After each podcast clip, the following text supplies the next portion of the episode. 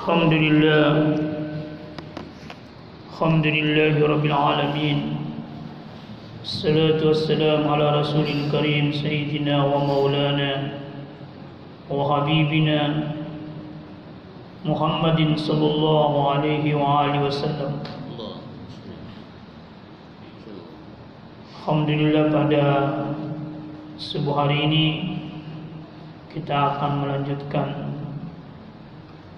pembahasan tentang dari Bismi Rabbik menuju Bismillah. Pada pertemuan sebelumnya, pekan lalu, Jumat yang lalu, kita sudah menyampaikan apa dan siapa yang disebut dengan Rob. Makna Rob paling tidak berarti pencipta, pemilik, pengatur, pemelihara, pendidik, dan pemberi kebajikan. Makna-makna ini sejatinya itu selalu kita harus hadirkan di dalam diri kita. Pekan lalu saya sudah atau Jumat yang lalu, Jumat yang subuh kemarin, saya sudah sampaikan bahwa seharusnya kita harus selalu berkata kepada diri kita, saya adalah ciptaan. Allah adalah pencipta saya. Itu selalu harus disadari. Saya adalah hanya dimiliki dan Allah pemilik saya. Saya hanya diatur dan Allah pengatur saya. Saya hanya dididik dan Allah pendidik saya. Saya hanya dipelihara dan Allah adalah pemelihara saya. Saya hanya diberi kebajikan dan Allah lah yang memberikan kebajikan kepada saya. Ini selalu harus hadir dalam pikiran kita, dalam kalbu kita. Pertanyaannya adalah kenapa itu harus selalu dihadirkan? Itu pertanyaannya. Jadi kenapa kita harus selalu menghadirkan makna-makna Rab tadi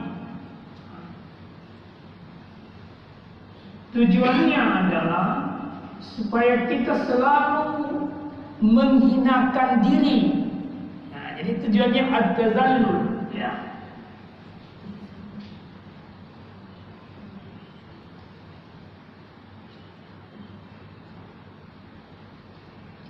Supaya kita selalu menghinakan diri di hadapan Allah Subhanahu wa taala.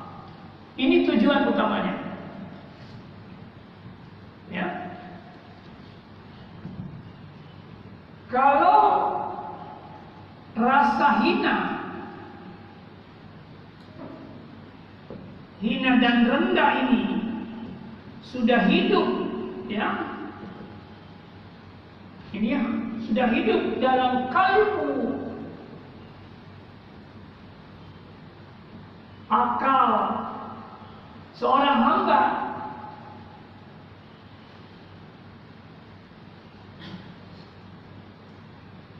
itu pertanda hamba itu dalam rahmat Tuhan yang sangat luar biasa. Tapi kalau ini tidak ada dalam diri kita, tidak terasa dalam diri kita, dalam kalbu kita, maka sangat mudah kita terjatuh dalam sebaliknya semua tadi. Sangat mudah kita terjatuh dalam lawan daripada merasa hina dan merasa rendah. Apa itu? merasa hebat, sombong, angkuh. Gitu. Menurut saya, dalam hidup ini, ini yang harus dimatikan. Kapan ini tidak dimatikan dalam hidup, maka kita sengsara lagi. Kalau ini tidak pernah dimatikan dalam kehidupan kita, dalam diri kita, maka kita jatuh dalam kesengsaraan abadi. Pasti itu. Kenapa pasti? Karena memang ini yang membuat kesengsaraan abadi. Apa yang membuat orang bahagia abadi ketika dia merasa rendah di rendah di hadapan Allah. Ketika dia merasa hina di hadapan Allah. Itu yang membuat dia bahagia.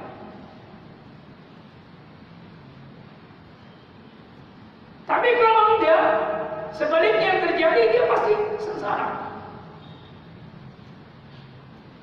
Kita telusuri dari jauh, ya.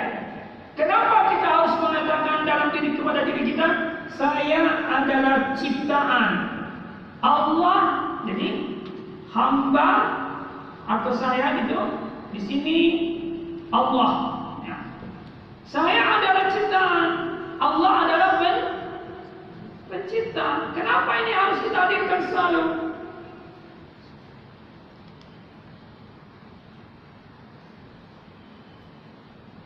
Saya kasih contoh ini. Ada enggak orang yang berkarya yang sombong? Hmm? Banyak lah Pak, bukan ada banyak. Banyak. Karena kalau bisa kita bicara cipta, itu kan ada sekali sama itu kata cipta kar karya. Orang selalu mengatakan saya berkarya, bisa bercipta. Kalau dia tidak sadari dirinya bahwa dia ciptaan dan Allah penciptanya, maka dia akan selalu merasa mandiri dalam berkarya dan bercipta. Dan itu kesombongan. Dia lepaskan Tuhan dalam karyanya. Dia lepaskan Tuhan dalam perbuatan-perbuatannya. Ini kesombongan. Padahal sesungguhnya kalau dia sadar bahwa dia ciptaan, dirinya saja ciptaan, apalagi sesuatu yang keluar dari dirinya, ya kan? Atau yang hadir dari dirinya. Kalau saya ciptaan, maka apa yang saya perbuat itu juga ciptaan kan? Itu yang dimaksud dalam Al-Quran itu. Allah menciptakanmu dan apa yang kau perbuat.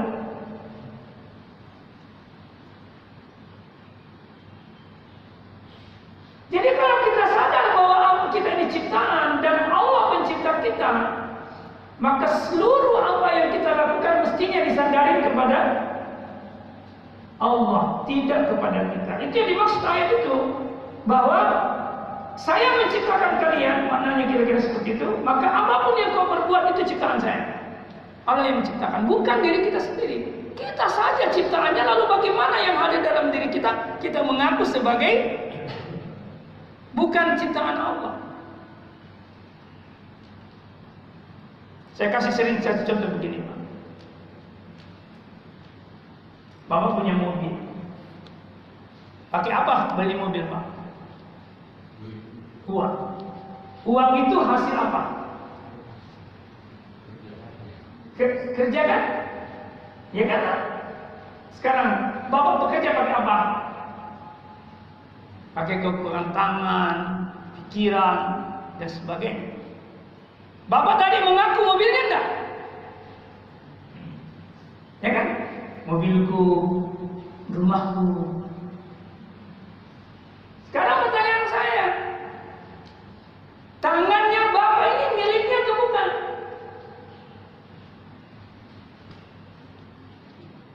Akalnya Bapak punya bukan? Kalau Bapak bilang iya, kapan Bapak buat? Tangan pikirannya Bapak itu tidak pernah Bapak tahu kapan dia dihadirkan. Kalau kita tidak tangannya yang menghasilkan mobil, rumah dan sebagainya, atau tangan kini ya tangan yang menghasilkan rumah, mobil dan sebagainya bukan milik kita, lalu bagaimana Bapak mengaku itu mobilku?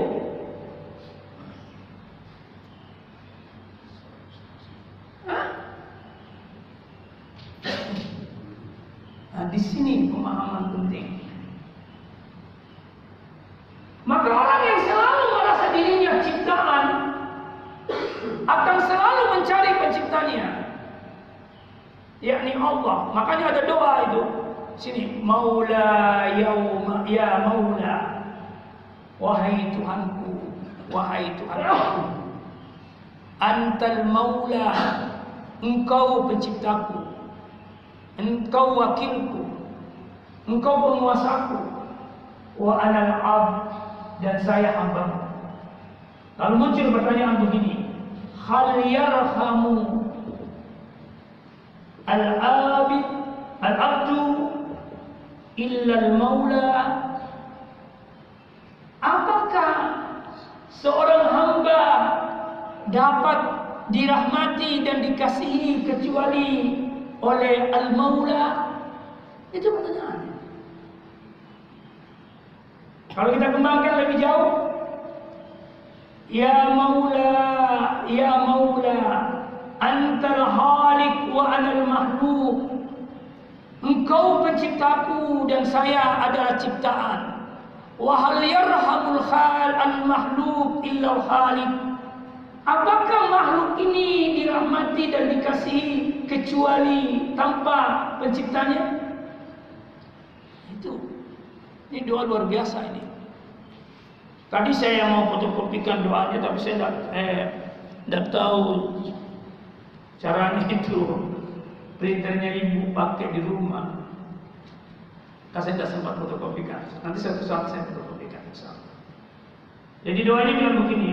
Maula, Maula, Maula ya Maula, antal Maula wa ana al-ab.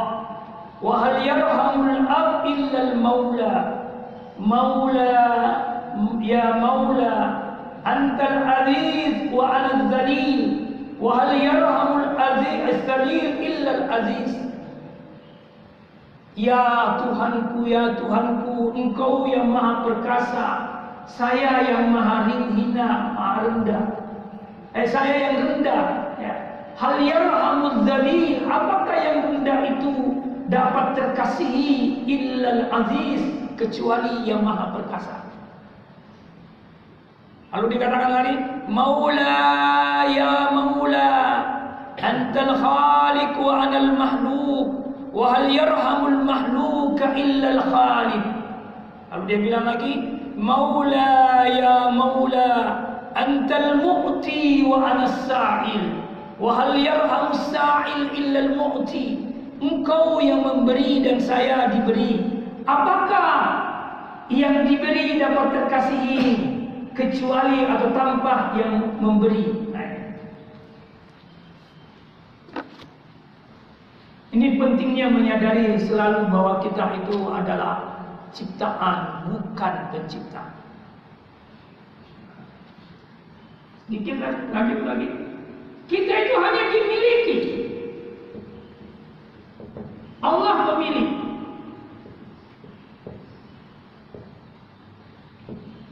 Kenapa kita harus kenapa penting merasa kita dimiliki? Dan Allah sebagai pemilik dan ini tidak saling menggantikan posisi. Kita selalu merasa selalu pada posisi dimiliki. Kalau kita dimiliki maka kita bukan pemilik. Kalau Allah pemilik maka dia tidak pernah dimiliki.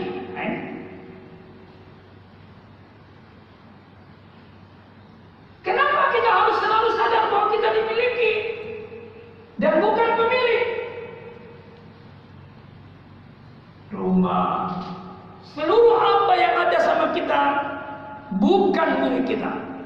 Harus diyakini bahwa itu kita hanya dimiliki. Kalau diri kita sendiri dimiliki, apalagi sesuatu yang terkait dengan diri kita yang berada di luar diri kita, semuanya juga itu dimiliki oleh Allah dan bukan dimiliki oleh kita.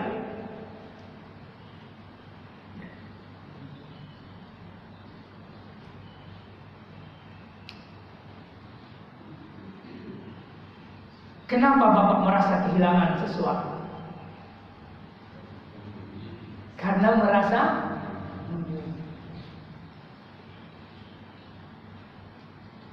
merasa kehilangan sesuatu itu sakit tidak Pak? Sedih tidak? Jadi kalau mau kurangi kesedihannya, kurangi rasa pemilikannya. Iya. Kapan kita selalu merasa memiliki sesuatu maka kesedihan mendekati kepada kita. Semakin kuat kita merasa kepemilikan kita, kesedihan itu semakin rapat dia mendekat. dan semakin mengkuat menghasilkan kesedihan kepada kita.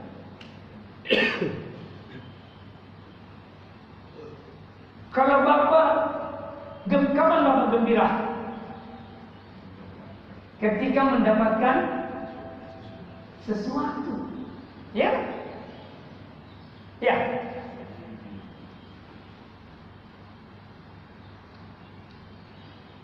Tapi kalau tidak dapatkan sesuatu kecewa tidak?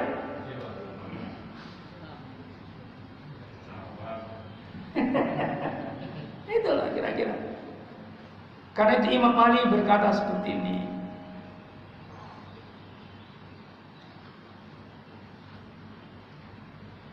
Kira-kira mana yang berkata Imam Ali ini?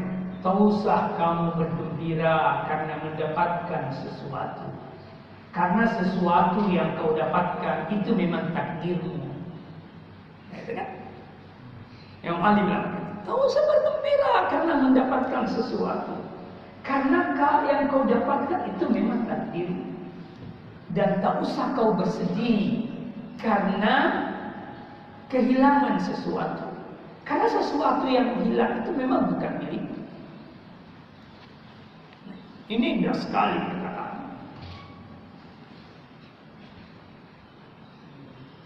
Jadi kalau kehilangan sesuatu yang memang bukan milik kita, nggak perlu sedih. Al-Imam Ali bilang, kesedihanmu adalah saya maknai makna itu kalimat Imam Ali itu maknanya kesedihanmu sesungguhnya adalah ketika apa yang kau sudah dapatkan dan kau sudah ditakdirkan untuknya kamu tidak menggunakannya untuk kebahagiaan akhirat di situ kesedihan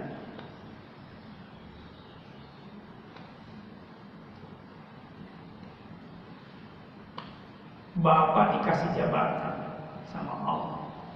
Tapi jabatan itu tidak digunakan untuk kebahagiaan akhirat. Di situ kesedihannya sudah. Bapak dikasih kesehatan, tapi kesehatan itu Bapak tidak gunakan untuk akhirat. Di situ.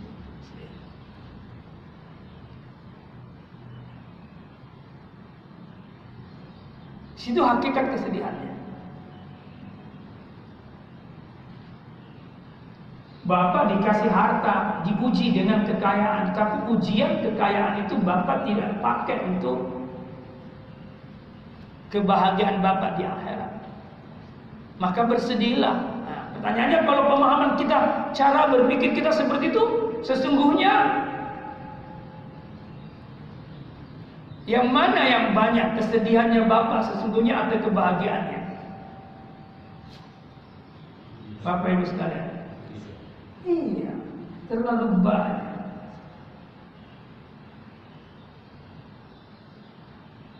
Maka cukupkah kita beristighfar tiga kali? Cukup tidak kita beristighfar sepuluh kali?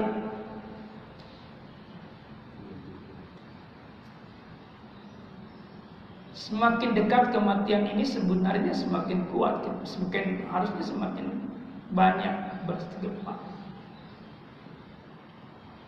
Dan setiap hari yang kita lewati itu mengisyaratkan semakin dekat kepada kematian. Tahun 2021 sudah lewat, masuk tahun 2022. Maka sebenarnya ketika masuk tahun 2022 itu kita semakin dekat kematian. Pertanyaan saya, mendekati kematian tanpa istighfar dan taubat itu gimana?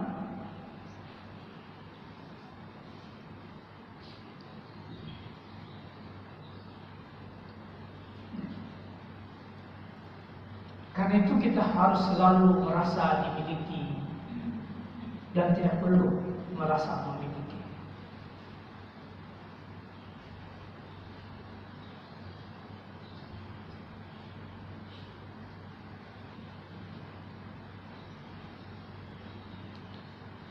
Biasanya karya kita diduplikasi oleh orang lain disalahgunakan oleh orang lain. Biasa tak? Biasa. Marah tak Bapak? Lalu Tuhan aja Bapak selalu Bapak kita saja ciptaan selalu menyalahgunakan Ciptaannya Tuhan. Mata kita, telinga kita yang merupakan ciptaannya Allah selalu disalahgunakan. Tidak sesuai dengan keinginan penciptanya. Wajar tidak Allah marah? Kalau Bapak saja marah, gimana Allah tidak wajar marah? Tapi Allah itu maha pengampun, maha kasih. Kita tidak kasih, tidak pengampun. Kita hanya ingin diampuni dan tidak mau di, mengampuni. Kita hanya ingin dimaafkan tapi tidak mau memaafkan. Mudah tidak Bapak minta maaf? Mudah sekali Bu, Bapak Ibu minta maaf sama suaminya. Tapi memaafkan suami, memaafkan istri, memaafkan orang lain, susah. Ya, yang hadir benci. Ini persoalan. Jadi kita harus sadari apa yang kita miliki, apa yang ada sama kita. Bahkan diri kita sekalipun itu dimiliki oleh Allah sebagai pemilik. Dan kita tidak pernah menjadi pemilik. Kita hanya selalu dimiliki. Kalau kita selalu merasa seperti ini, kita selalu merasa dalam kerendahan, kehinaan. Di mana? Di hadapan Allah. Sekarang pertanyaan saya, patutkah kita merasa rendah dan hina di hadapan makhluk? Patutlah. Patut saya merasa hina di hadapannya Pak Imam? Kenapa saya tidak bisa merasa hina dan tidak patut? Karena dia makhluk, saya juga makhluk. Bagaimana saya menghinakan diri di hadapan orang hina? Kan gitu. Mestinya saya harus merasa rendah di hadapan yang maha besar, bukan di hadapan orang yang hina. Sekarang saya hina, apa saya pantas menghinakan orang lain? Bagaimana yang hina menghinakan? Bagaimana yang rendah merendahkan? Ini persoalan. Kalau orang paham ini, insya Allah dia terjauh dari semua itu.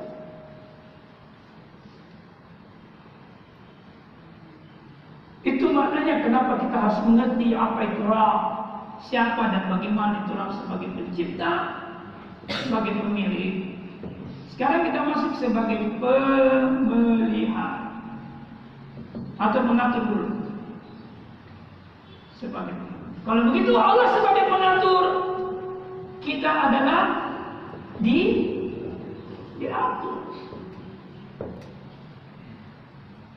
Kita diatur.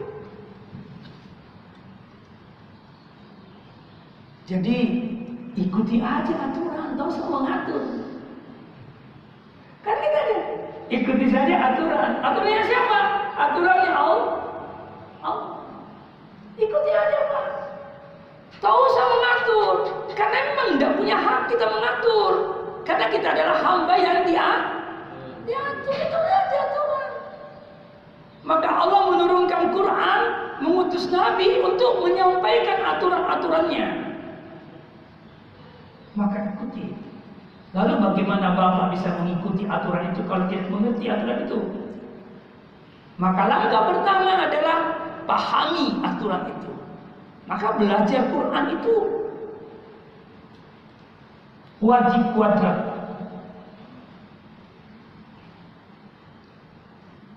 Wajib berpangkat. Pangkatnya berapa? Dua, tiga, dan seterusnya. Kenapa tidak mungkin kita bisa mengikuti aturan tanpa memahami aturan yang dari maha pengatur, yakni Allah. Dan kalau kita ikuti aturan, insya Allah nggak susah hidupnya. Dari kalau kita mau mempelajari bagaimana mengatur Allah mengatur ciptaannya, itu luar biasa. Penanda tabrakan matahari dengan bulan Pak.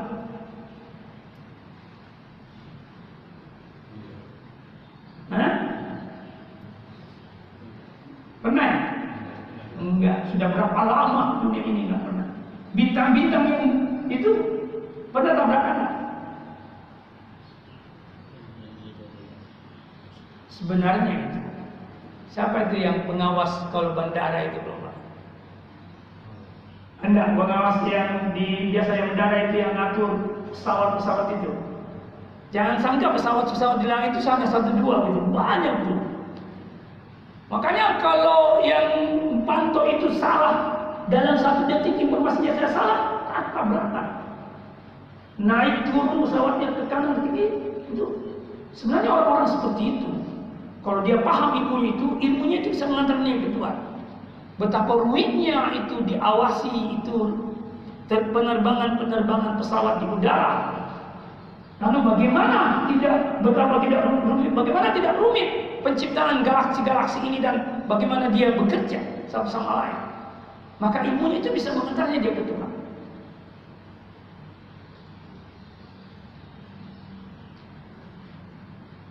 Kalau orang mengerti ini, nggak bikin macet jalanan, Pak. Kalau orang ini paham ini, dia akan atur dirinya dalam berparkir. Dia tidak egonya, ah parkir di sini. Saya saya parkir di situ, bagus enggak saya parkir di situ. Tapi orang lain jadi susah gara-gara parkiran saya. Hah? Bagus tidak Pak? Orang lain susah kok gara-gara parkiran saya. Orang lain menjadi susah karena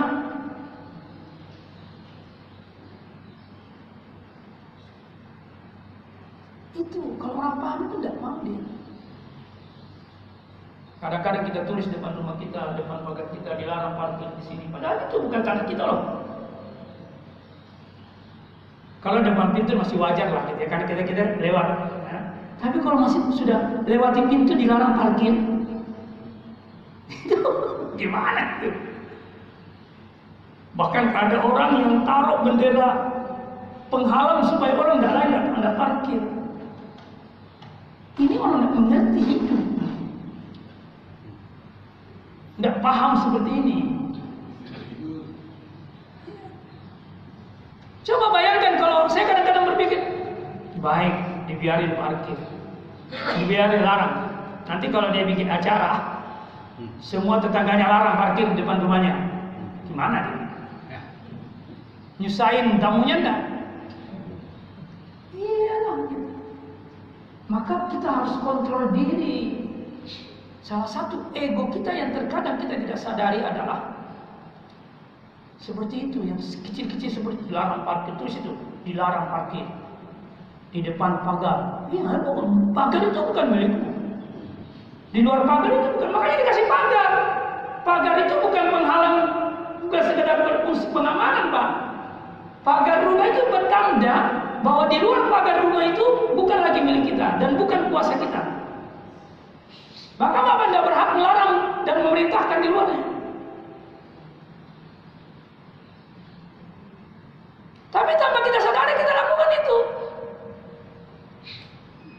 Sehingga orang lain susah gara-gara kita. Jadi ikuti aturan itu deh. Siapa mengaturnya? Allah. Kita hanya di kalau mau mengatur diri susah banget. Kenapa makhluk tidak pantas mengatur? Karena makhluk tidak mengenali dirinya sendiri secara sempurna. Karena dia tidak tahu dirinya secara sempurna, bagaimana dia bisa atur? Allah maha tahu tentang diri kita. Maka dia tahu aturan apa yang pas untuk diri kita. Itu, itu masalah, itu filosofinya. Maka seorang hamba harus sadar bahwa dia hanya pantas diatur dan bukan pengatur. Saya tegaskan sedikitnya Pak. Pemelihara. Makhluk itu dipelihara saja. Ini juga harus dipahami. Maka semua yang terjadi pada kita sungguhnya wujud pemeliharaan Tuhan. Apa pun yang terjadi pada kita itu adalah bagian dari pemeliharaan Tuhan. Kita dipelihara dengan apa yang terjadi. Kan itu yang harus kita depankan itu, tapi ini memang tidak gampang. Ya yang katakan juga belum bisa itu kan itu. Apa pun yang terjadi pada kita adalah bagian dari pemeliharaan Tuhan pada kita. Itu harus disadari selalu. Karena Tuhan itu tidak pernah menghancurkan ingin menjadi yang.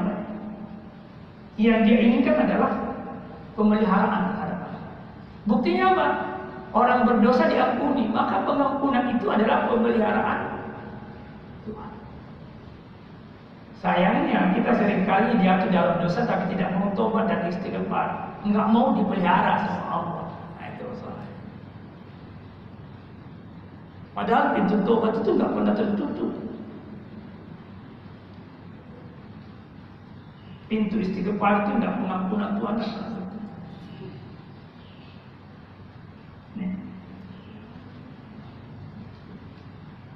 Jadi sadari bahwa kita dipelihara oleh Allah sebagai pemelihara. Tidak ada pemeliharaan terbaik Pak kecuali Allah saja. Pak biasa susah kan? Kalau anaknya bapak keluar ke mana-mana susah tidak? Susah. Kenapa?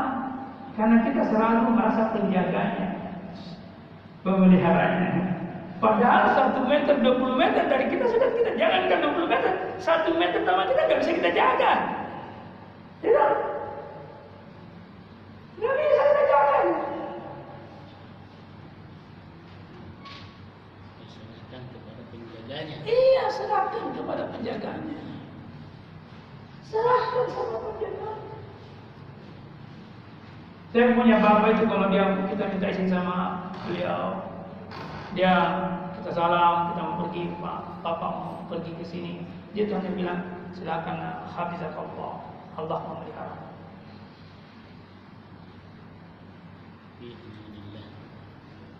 Jadi dia bilang Allah memelihara. Jadi dia sudah serahin pemeliharaan itu kepada Allah. Ini. Saya pernah salah besar sama Nggak mungkin saya ceritakan sama istri saya, salah besar ya. Kenapa salah besar Pak? Waktu itu saya lagi kuliah S3 di Salapan. Tiba-tiba anak saya umurnya kira-kira sekarang, uh, anak saya sudah kuliah, uh, kuliah di kira-kira sekarang. Uh, dia itu tabrak, ditabrak sampai muntah. Pikiran saya selalu diawasi itu muntah kalau muntah itu kepalanya gitu ya. Kepala kepala saya selalu bilang sana Jaga kepalamu baik-baik. Karena kalau kepalamu rusak, pelihara kepalamu. Jangan sampai ini lalai. Saya selalu bilang begitu. Akhirnya waktu itu jam saya bilang sama istri saya, kau jaga anakmu gimana?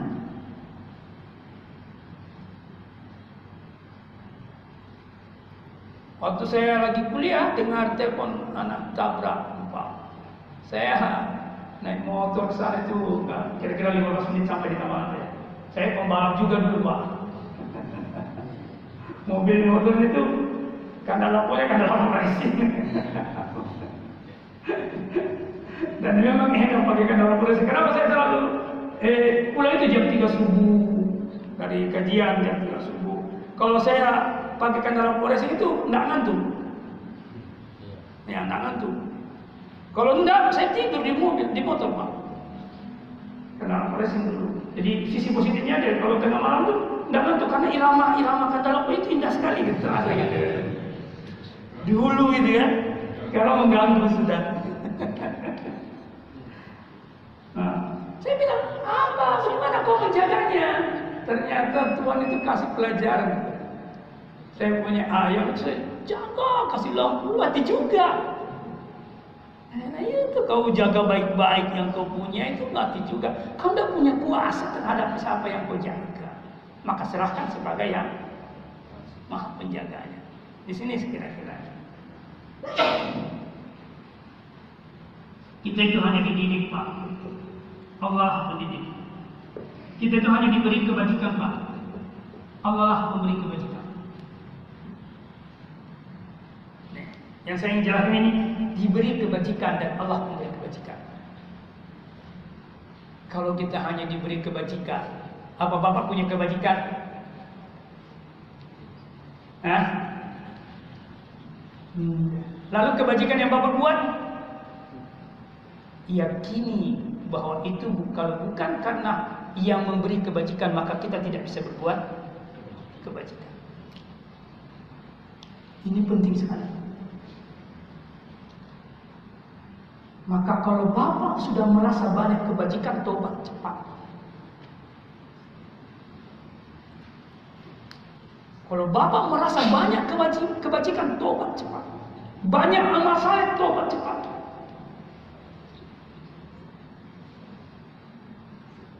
Karena itu sudah menghapus semua kebajikan.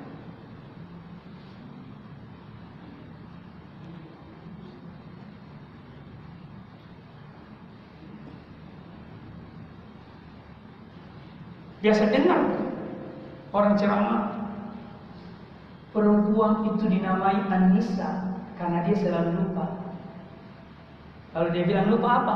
Lupa kebajikan su suami. Karena itu katanya salah satu penyebabnya perempuan itu banyak di neraka karena dia lupa kebajikan suami. Sepuluh kebajikannya suami, satu kesalahannya sudah di terlupakan yang yang sepuluh yang salah satu itu mengha- menghapus yang sepuluh. Saya mau tanya, bapak tidak begitu sebagai laki-laki? Hah? Hah? Sama. Satu-satu. Sama kalian itu dosa.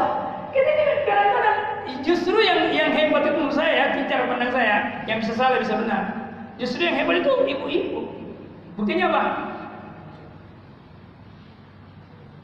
Saya pernah nonton film India.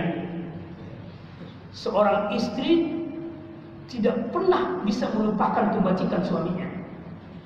Sampai dia tidak menikah lagi. Tapi seorang suami daripada lemah benena. Sapat ni mata. Gitu? Bahkan dia pernah mati benena tuh mobil. Eh, lirik kanan nih melirik. Cowok nih selih.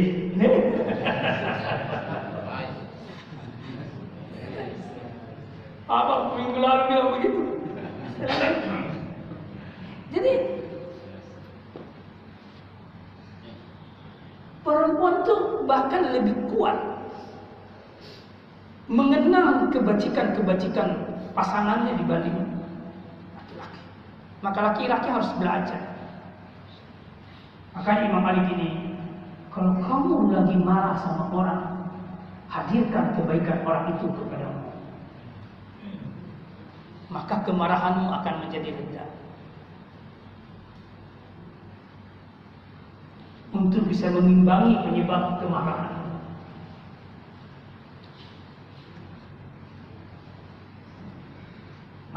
Bilang lupakan dua hal, ingat dua hal. Lupakan kebaikanmu kepada orang, tak usah dicatat. Ingat keburukanmu kepada orang lain, itu yang perlu dicatat. Lupakan keburukan orang kepadamu, tak usah dicatat. Tapi ingat kebaikan orang kepadamu, itu yang harus dicatat. Kalau begitu, kebaikan kita lupakan saja, tapi kebaikan orang ingat. Keburukan kita ingat, saya ingat dan catat, tapi keburukan orang lain kepada kita lupakan saja. Kalau ini terjadi, apa yang terjadi? Damai tak hidup di lubang? Iya susah. Eh, itu yang susah. Benar, itu yang susah. Kan itu harus diperjuangkan. Terbalik biasanya. Saya kemarin, uh, kemarin ya kemarin tadi malam lah ya, saya memutar uh, hadat uh, Junaid kisah kisah Junaid menuju Tuhan itu memang memang kita jauh sekali. Imam Junaid menuju Tuhan itu luar biasa. Kita kan carinya yang mudah-mudah ibadahnya, yang susah-susah kita tidak tinggal, kita tinggalkan. Yang mudah-mudah aja yang kita lakukan. Kalau dia justru yang berat-berat yang saya lakukan. Lalu bagus, saya berpikir, aduh, tidak ada sama sekali tidak ada apa-apa. Merasa tidak apa tidak ada apa-apa saja sudah sombong gitu kan. Jadi jadi merasa ada apa-apa dengan kita itu kesombongan. Merasa tidak apa-apa juga kesombongan.